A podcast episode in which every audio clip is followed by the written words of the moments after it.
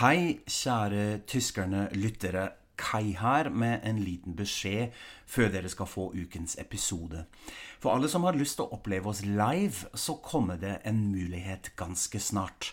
Torsdag den 10. mars skal vi spille inn en live-episode av Tyskerne på Goethe-institutt i Oslo. Vi skal snakke om 100 dager med Ampel-regjeringen, altså den nye regjeringen i Tyskland, med kansler Olaf Scholz i spissen. Regjeringen har jo hatt en del utfordringer, ikke minst en stor konflikt i Europa å forholde seg til. Det og litt mer skal vi snakke om. Ingrid og jeg er live til stede i lokalene til Goethe-instituttet, og det kan dere være også. Fordi vi kan endelig ha publikum igjen. Det er gratis, og det krever ingen påmelding. Det er bare å møte opp på Goethe-instituttet i Oslo, rett ved Alexander Kiellands plass. Vi begynner klokka 17 og spiller inn én live-episode av Tyskerne. Mer informasjon finner dere på Facebook-sidene våre eller på sidene til Goethe-institutt. Vi håper at mange av dere har lyst til å ta turen, så ses vi der. Og her kommer den splitter nye episoden. Den er ganske gøy. Bis gleich. Einen recht schönen guten Abend, meine Damen und Herren. Ich begrüße Sie recht herzlich zu unserem heutigen Fernsehprogramm. Wir wollen mehr Demokratie wagen. Heute sehen wir uns die CDU an, auch ein bisschen SPD und ein bisschen AfD, aber primär sehen wir uns die CDU, die CDU, die CDU.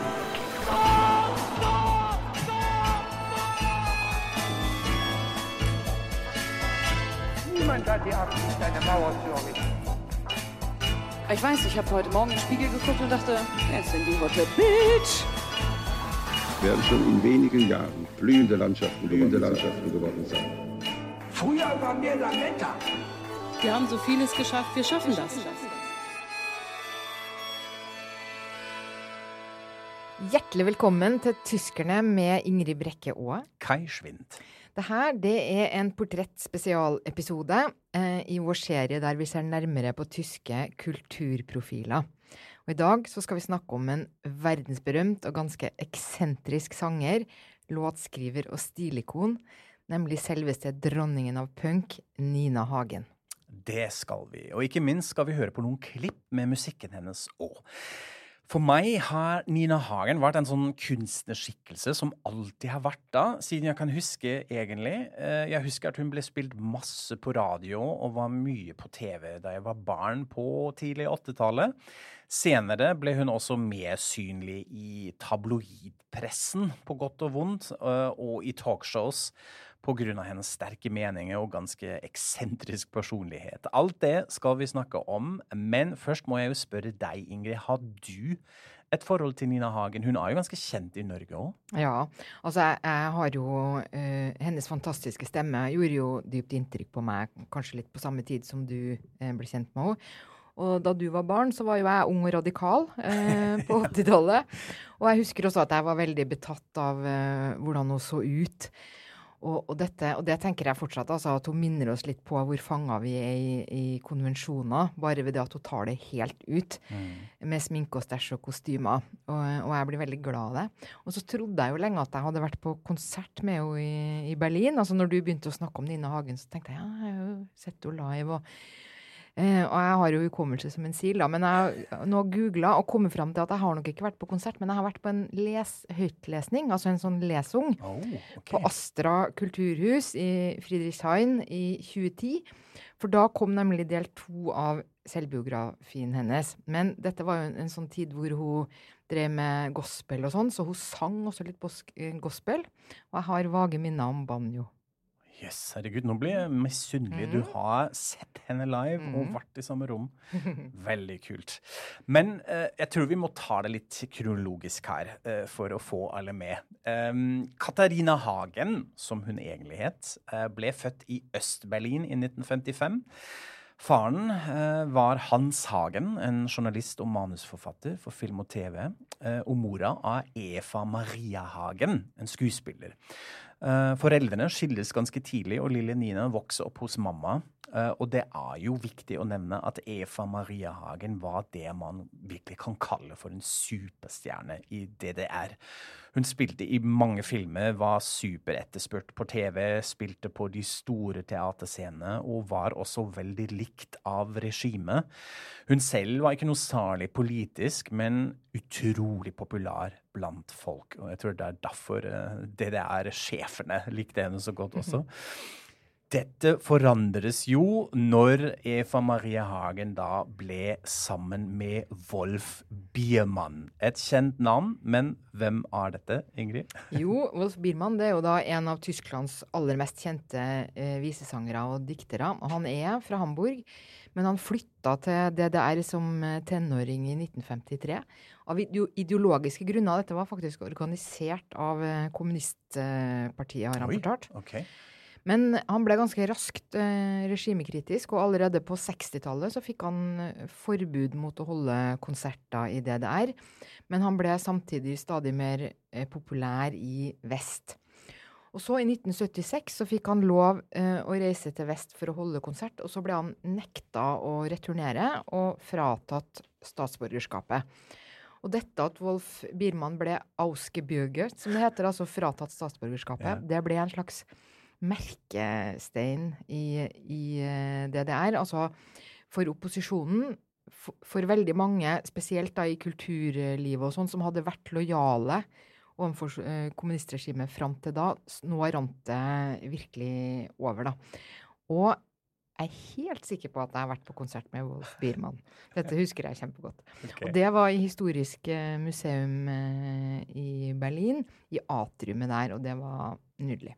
Ingrid, nå er misunnelig igjen. Altså, Både Nina Hagen og Wolf Biermann hadde sett live. Det er for mye. Herregud. Ja, men et Eva Marie Hagen og Wolf Biermann ble et par, så misser jo eh, familien mange privilegier. De ble i tillegg observert av Stasi. Og karrieren til eh, Eva Maria begynner å falle sammen. Hun får ikke store, kule filmroller lenger, men må spille på små scener på bygda og sånn. Og som hun selv senere sa i et intervju, skulle hun, og dette er et fint uh, tysk uttrykk her, am langen arm verhungern. Ok? Altså sånn s- i hjel ved eh, lange armen. eh, På en sånn. armlengdes avstand? Altså Ja, at du er sånn. så nærme maten, men ikke får tak i den, eller? Nei. Noe sånt. altså Jeg tror på norsk er det litt sånn med sånn å dø en sakte død. Ja, okay. ok. Ikke sant? At man, du, du blir ikke fjernet, men du får ikke noe mat. altså Ja, du, mm. du sulter litt sånn sakte, men stadig borte. Dette får jo også Nina, som er tenåring på den tiden, med seg, og hun ble helt rustet av det som skjer med mora. Men hun får samtidig også en slags politisk omerziehung, altså en sånn omutdanning. En ny oppdragelse. Ny oppdragelse, eh, det er kanskje bedre, av sin eh, stefar eh, Wolf Biermann. Det er han som lærer henne om kritisk tenkning, om hvordan de gode intensjonene av sosialismen og kommunismen hadde blitt korrumpert i DDR. Og ikke minst introduserer han henne til Berthold Brecht og Kurt Weil. Ja, og det er, som de fleste lytterne sikkert vet, den store dramatikeren. Eh, som blant annet skrev Tolvskillingsoperaen, og Kurt Weil han skrev jo da eh, musikken. Ja, absolutt. Og Nina ble veldig opptatt av tekstene eh, og det samfunnskritiske budskapet til Brecht. eh, og føler seg også ellers veldig nær sin eh, stefar. Hun sa selv senere at forholdet til mora kunne være ganske anstrengt og distansert iblant, og at hun alltid savnet ekte varme og kjærlighet i heimen, men fikk mye av det fra Wolf Biermann. Men hun hadde vel begynt å få en egen karriere i, det der eh, da, eller? Det stemmer. Nina ble faktisk ganske populær, og det hovedsakelig pga. den vidunderlige stemmen hennes, som du allerede har nevnt. Eh, den er jo virkelig helt fantastisk. Altså Det registeret hun kan ta, ikke sant? fra helt sånn dyp nå, hun høres ut som en mann, egentlig, helt til sånn pipestemmehøyde, Mickey Mouse. Det, og det gjør hun jo til i dag, at hun snakker sånn også til vanlige intervjuer, litt sånn i forskjellige stemmer og sånn. Så hun tok en eh, vokalutdanning i DDR og fikk eh, faktisk et vitnemål som, det er også veldig fint, 'Statlich geprüfte Schlagersengerin. Hvordan oversetter vi det? Statlig godkjent eh, slagersanger. Eh, sangerinne. Sangerinne. Ikke sant? Veldig Ja, viktig veldig at vi bra. genderer Ja. dette. men det er jo også sant. eh, hun var det, uh, men kunne jo faktisk synge alt. Fra opera via jazz, blues og rock helt til slager. Og det var faktisk en litt sånn spesiell sjangermiks, en slags frekk slagermusikk, som eh, gjorde henne ganske populær i DDR. Og så begynte hun å jobbe med bandet Automobil, eh, et slags jazz, rock, folk slagerband. Og det samarbeidet førte blant annet til en av hennes aller største hits, Du hast den Farbfilm vergessen. Du hast den Farbfilm vergessen,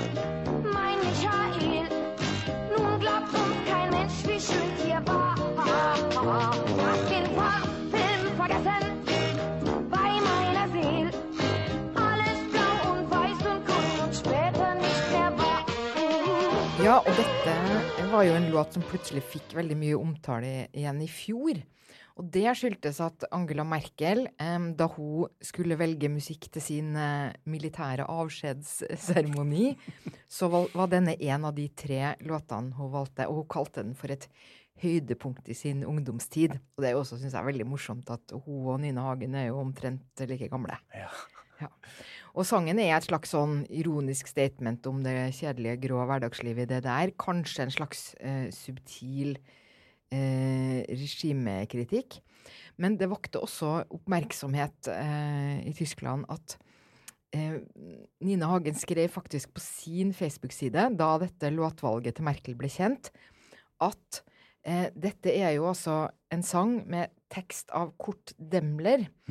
Og Demler han var en eh, såkalt statsdikter i DDR. Hadde, han hadde spesielle eh, privilegier. Og han ble dømt for å ha misbrukt eh, barn. Eh, og begikk selvmord i fengselet.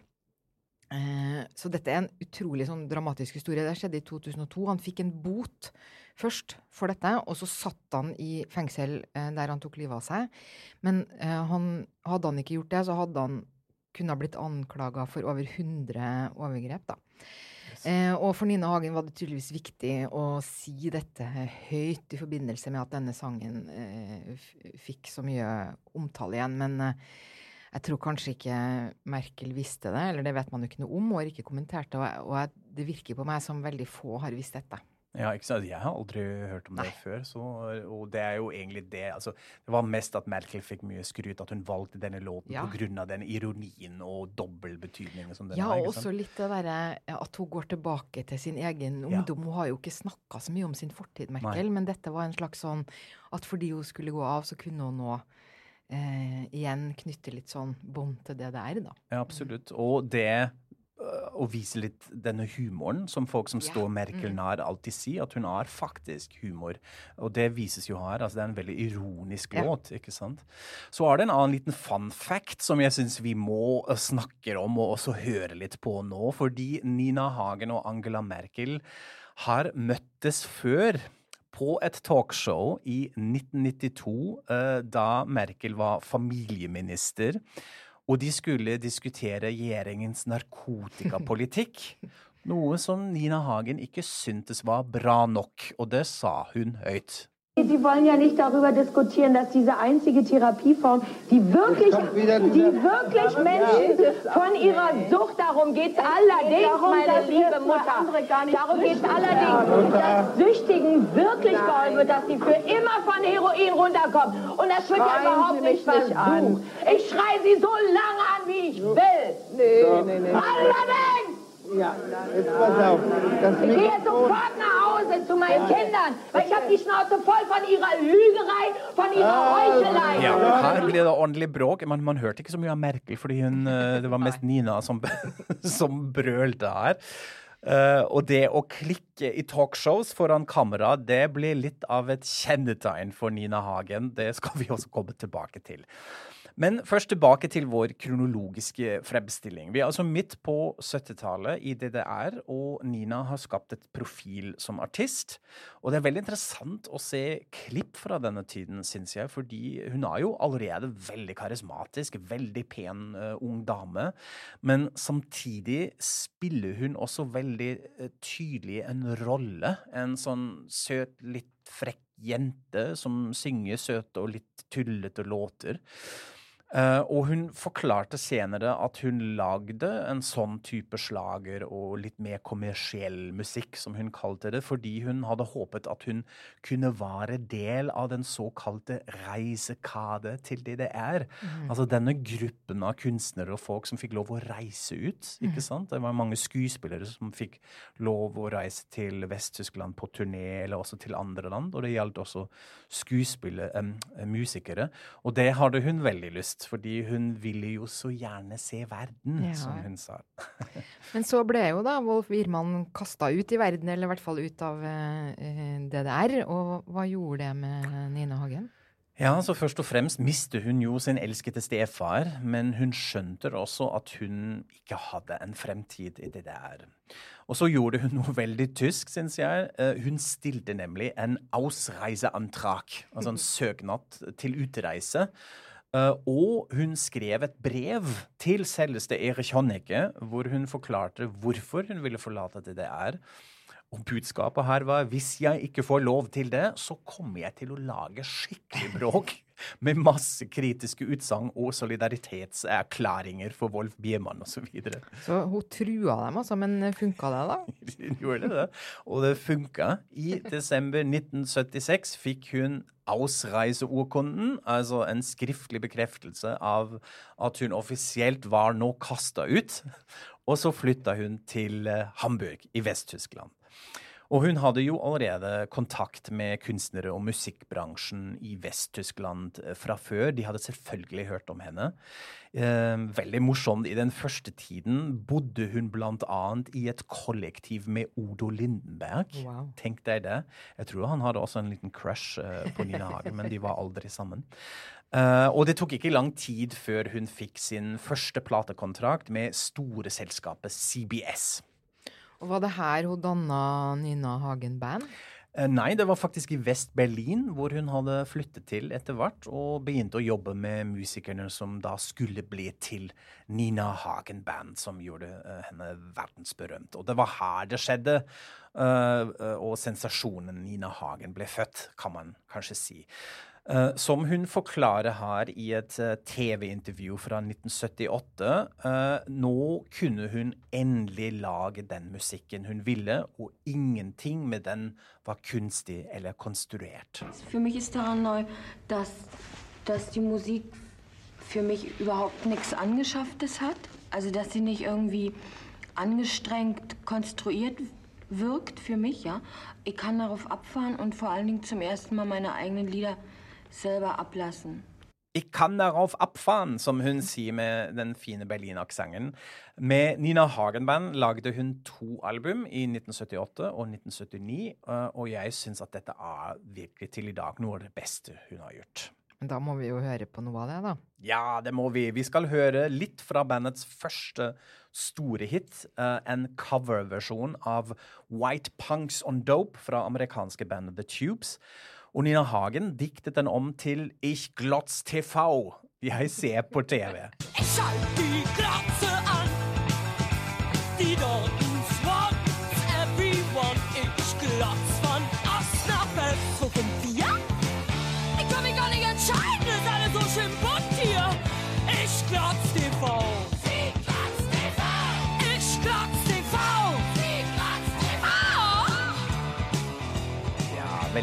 Jeg husker at denne låten ble spilt på radio masse da jeg var barn. Og jeg husker også at jeg hadde litt sånn blandete følelser hver gang jeg hørte på den låten. Fordi på en måte er det veldig kult. Det har en sånn rå, kul energi. Men samtidig syns jeg også at den var litt skummel. Uh, og det er jo kanskje eh, punk-attitude i et nøtteskall. Ja, man må jo kunne skremme unger litt, da. ikke sant? At barn blir skremt, og at det er den rare blandingen. Så på de første to platene da er det masse gitar eh, og tekster med ironisk og litt sånn leken samfunnskritikk og satire. Men det ble bare to album fra det bandet. Hvorfor det? Ja, det ble det. Eh, Som man kan tenke eh, allerede nå, var jo Nina rett og slett litt mye. Hun hadde veldig mye personlighet. Og det å være full av meninger og eksentrisk har jo to sider. Det ble rett og slett veldig mye krangling i bandet. I tillegg at hun også begynte å snakke om at hun hadde sett ufoer. Mm, begynte å tro på aliens og sånn, og de tenkte det orker vi ikke lenger. Så de ga seg. Eh, musikerne fra Nina Hagen Band de dannet etterpå bandet Spliff, som kanskje mange lyttere våre kjenner også, som ble veldig stor på 80-tallet. Mens Nina begynte en ordentlig solokarriere med forskjellige bands og prosjekter. og sånn. Men hun dro da til USA. Og hvordan gikk det? Ja, hun bodde i New York i begynnelsen på 80-tallet, faktisk. eh, Og amerikanere elsket Nina Hagen på denne tiden. Dette var jo veldig eksotisk. Både en kvinnelig artist med punk-attitude, men også en kvinnelig artist fra DDR. Det kunne de sikkert ikke tro, at man hadde Mm. musikk i DDR. Bak jernteppet i hele tatt, sikkert. Eh, Så i det politiske klimaet på denne tiden var det ganske spesielt. Og hun ble superkjent. Eh, Vi kan høre på et klipp fra selveste David Letterman Show fra 1985, hvor hun ble bedt om å beskrive sin musikalsk stil. Okay, um, I'm an opera singer. I can sing Brechtweil. Um, I create my own lyrics. Uh, I have a great band.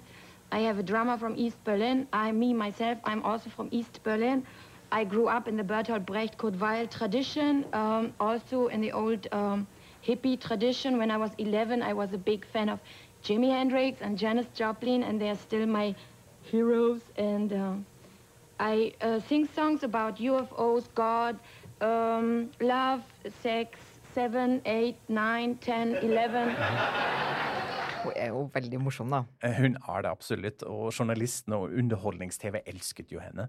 Når hun var gjest, så var det aldri kjedelig. Men selv om hun brukte masse tullete og litt sånn barnslig humor, som vi hørte her, så kunne hun også provosere skikkelig. Så hun har skapt en del skandaler. Veldig kjent er kanskje hennes opptreden på et talkshow på østerriksk TV i 1979.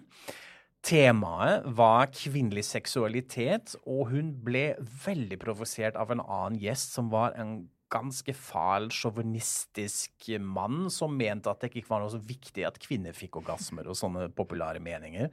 Så Nina tok grep og demonstrerte hvordan man skulle tilfredsstille en kvinne i sengen, og viste frem en del stillinger og seksuelle teknikker på sofaen på en ganske eksplisitt måte. Det er så viktig at de Frauen seg anfassen müssen. nemlig da, in front of is the point of woman sex. og wenn de Frauen med de Boys schlafen, dann müssen sie sich hier anfassen. Man kann sehr schön äh, so äh, finden, sagt man.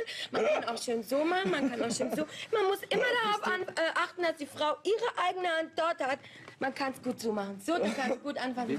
Da muss jeder darauf achten. Sonst ist es scheiße, sonst ist es eine Lüge. Veldig artig å se på dette i dag, men på denne tiden, da ble det en stor snakkis og skandale, eh, og programlederen måtte faktisk gå av etter dette. Såpass? Mm, sånn var det. Mm. Østerrike på slutten av 70-tallet. Men hun roa seg jo ikke eh, med det første heller. Jeg husker jo at eh, det har vel vært noe med Maischberger eh, sitt talkshow også? Det stemmer, og det var faktisk flere ganger det blir bråk hos Maischberger, men det mest kjente er vel fra 2005, hvor Nina klikker på Jutta Dittfurt, journalisten, sosiologen og tidligere De grønne politiker, fordi hun kalte Nina for esoterisch ein bisschen durchgeknallt. Eh, hun syns at Nina esoterisk er sett er litt koko, ikke sant? Og det likte ikke Nina Hagen. Du kennst mich doch Ich überhaupt habe ganz nicht. viel von und dir dann selber über meine gelesen. Religion, über, über meine Frau Philosophie hier Weißgott, rumzueiern. ich Das finde ich daneben. Ich Ich finde- sowas, sowas Ich sollten, sowas solltest ich- du nicht machen. ich- Wieso darf ich dich nicht- Armutszeug. Ich Wieso darf ich dich nicht kritisieren? bitte? Kritisieren? Wieso willst du mich kritisieren? Du kennst mich doch gar nicht. Das, was du ich selber finde das furchtbar, was diese dicke Frau da mit mir macht. Ja, ja, og kalte jo Jota Ditford for ei tjukk dame, da. Ikke særlig pent. Nei, det er ikke det. Og hun angrer jo faktisk selv, eh, som hun senere sa, at hun hadde oppført seg slik. Hun syntes det var litt, eh, litt mye og beklager dette. Men hun sier også at det er fordi det var før hennes dåp. Eh, hun var jo alltid religiøs og spirituell, men ble da offisielt døpt protestantisk i 2009. Så hun mener at hun har blitt litt mildere og mer ydmyk etter det. Jeg vet ikke om det er sant, men det speiles i hvert fall i musikken hennes. Hun begynte jo også å synge gospel, som du sa, og blues, og snakket mye mer om sitt forhold til eh, Gud og religion. Eh, Noe av de mer kulere ting hun har gjort i denne perioden, syns jeg er et cover av Depeche Mode-låten 'Personal Jesus'. Så i Nina Hagen-versjon høres det sånn ut. Your own personal Jesus. Someone to hear your prayers, someone who cares. He's your own personal Jesus. Someone to hear your prayer, someone who's there. Ja, hun blir jo snart 70, men hun holder fortsatt på å lager eh, musikk og synger og alt, eller? Å ja, hun gir seg ikke. I 2020 ga hun ut en låt sammen med George Clinton, en veldig kjent amerikansk funk- og soul-musiker. Og da skulle de hylle Black Lives Matter-bevegelsen, så hun er på. Men hva syns du egentlig om henne nå, da, Kai? Ja, det er litt interessant. Jeg er litt sånn Jeg er litt splitt, for å være ærlig. Altså, det er alltid gøy å se Nina Hagen, men samtidig syns jeg er litt synd på henne òg, fordi hun kan virke litt som sitt eget klisjé. Nesten som en sånn parodi av en person som bare vil og må provosere liksom hele tiden, ikke sant? Og det du sa innledningsvis, at det var så kult på 80-tallet at her var det en person som sier bare gi F, se ut som du vil, bli hvem du vil. Er ikke det nå i dag nesten en sånn floskel som vi sier til alle, og som alle burde vare?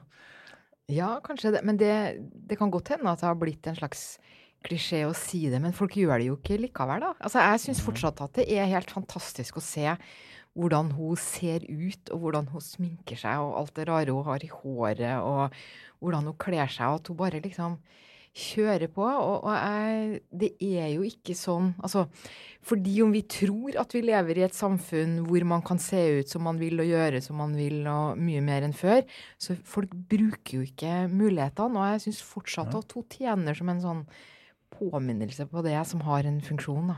Ja, bra sagt, ja. Eh, Det, det er sant. Jeg er veldig blandet, som sagt. fordi på en måte har hun den effekten, på en annen måte når jeg hører henne når hun litt sånn uttaler seg samfunnskritisk eller om ulike temaer, så syns jeg ikke alltid det er så smart hva hun sier. Det er også mye som drukner i bare litt sånn tull og vas og sånn. Jeg vet ikke, men det er um, Ja.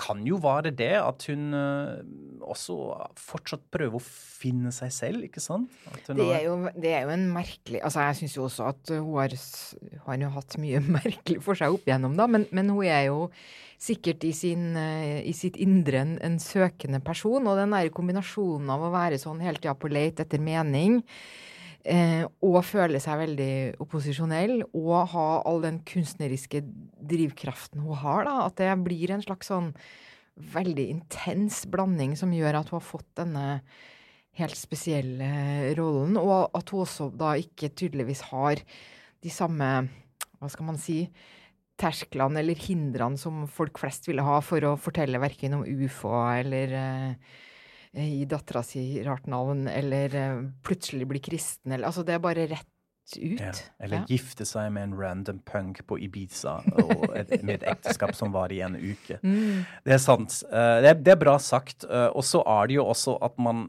uansett hva hun gjør, så er alt en slags performance. ikke sant? Altså Hun performer ulike versjoner av seg selv hele tida. Jeg tror hun har sagt det en gang også. Det er derfor hun har så mye makeup. Eh, Fordi det er en slags maske som beskytter henne, som hun eh, hjelper henne med å innta alle disse forskjellige rollene.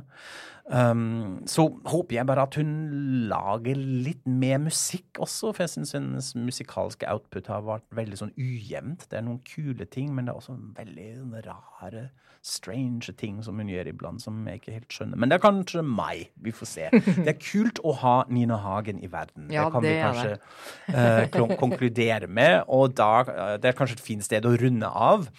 Og vi tenkte vi skal avslutte med Nina selv, nesten likt som vi åpnet denne episoden, hvor vi brukte denne vokalintroen til låten Ich Glotz TV. Hun gjorde nemlig det samme mange år senere for en TV-dokumentar, og da kan man høre hvordan både henne og stemmen hennes har forandret seg. Auf Wiederhören. Auf Wiederhören. Einen recht schönen guten Abend, meine sehr verehrten Damen und Herren. Ich begrüße Sie recht herzlich zu unserem heutigen Fernsehprogramm und wünsche Ihnen einen recht guten Empfang.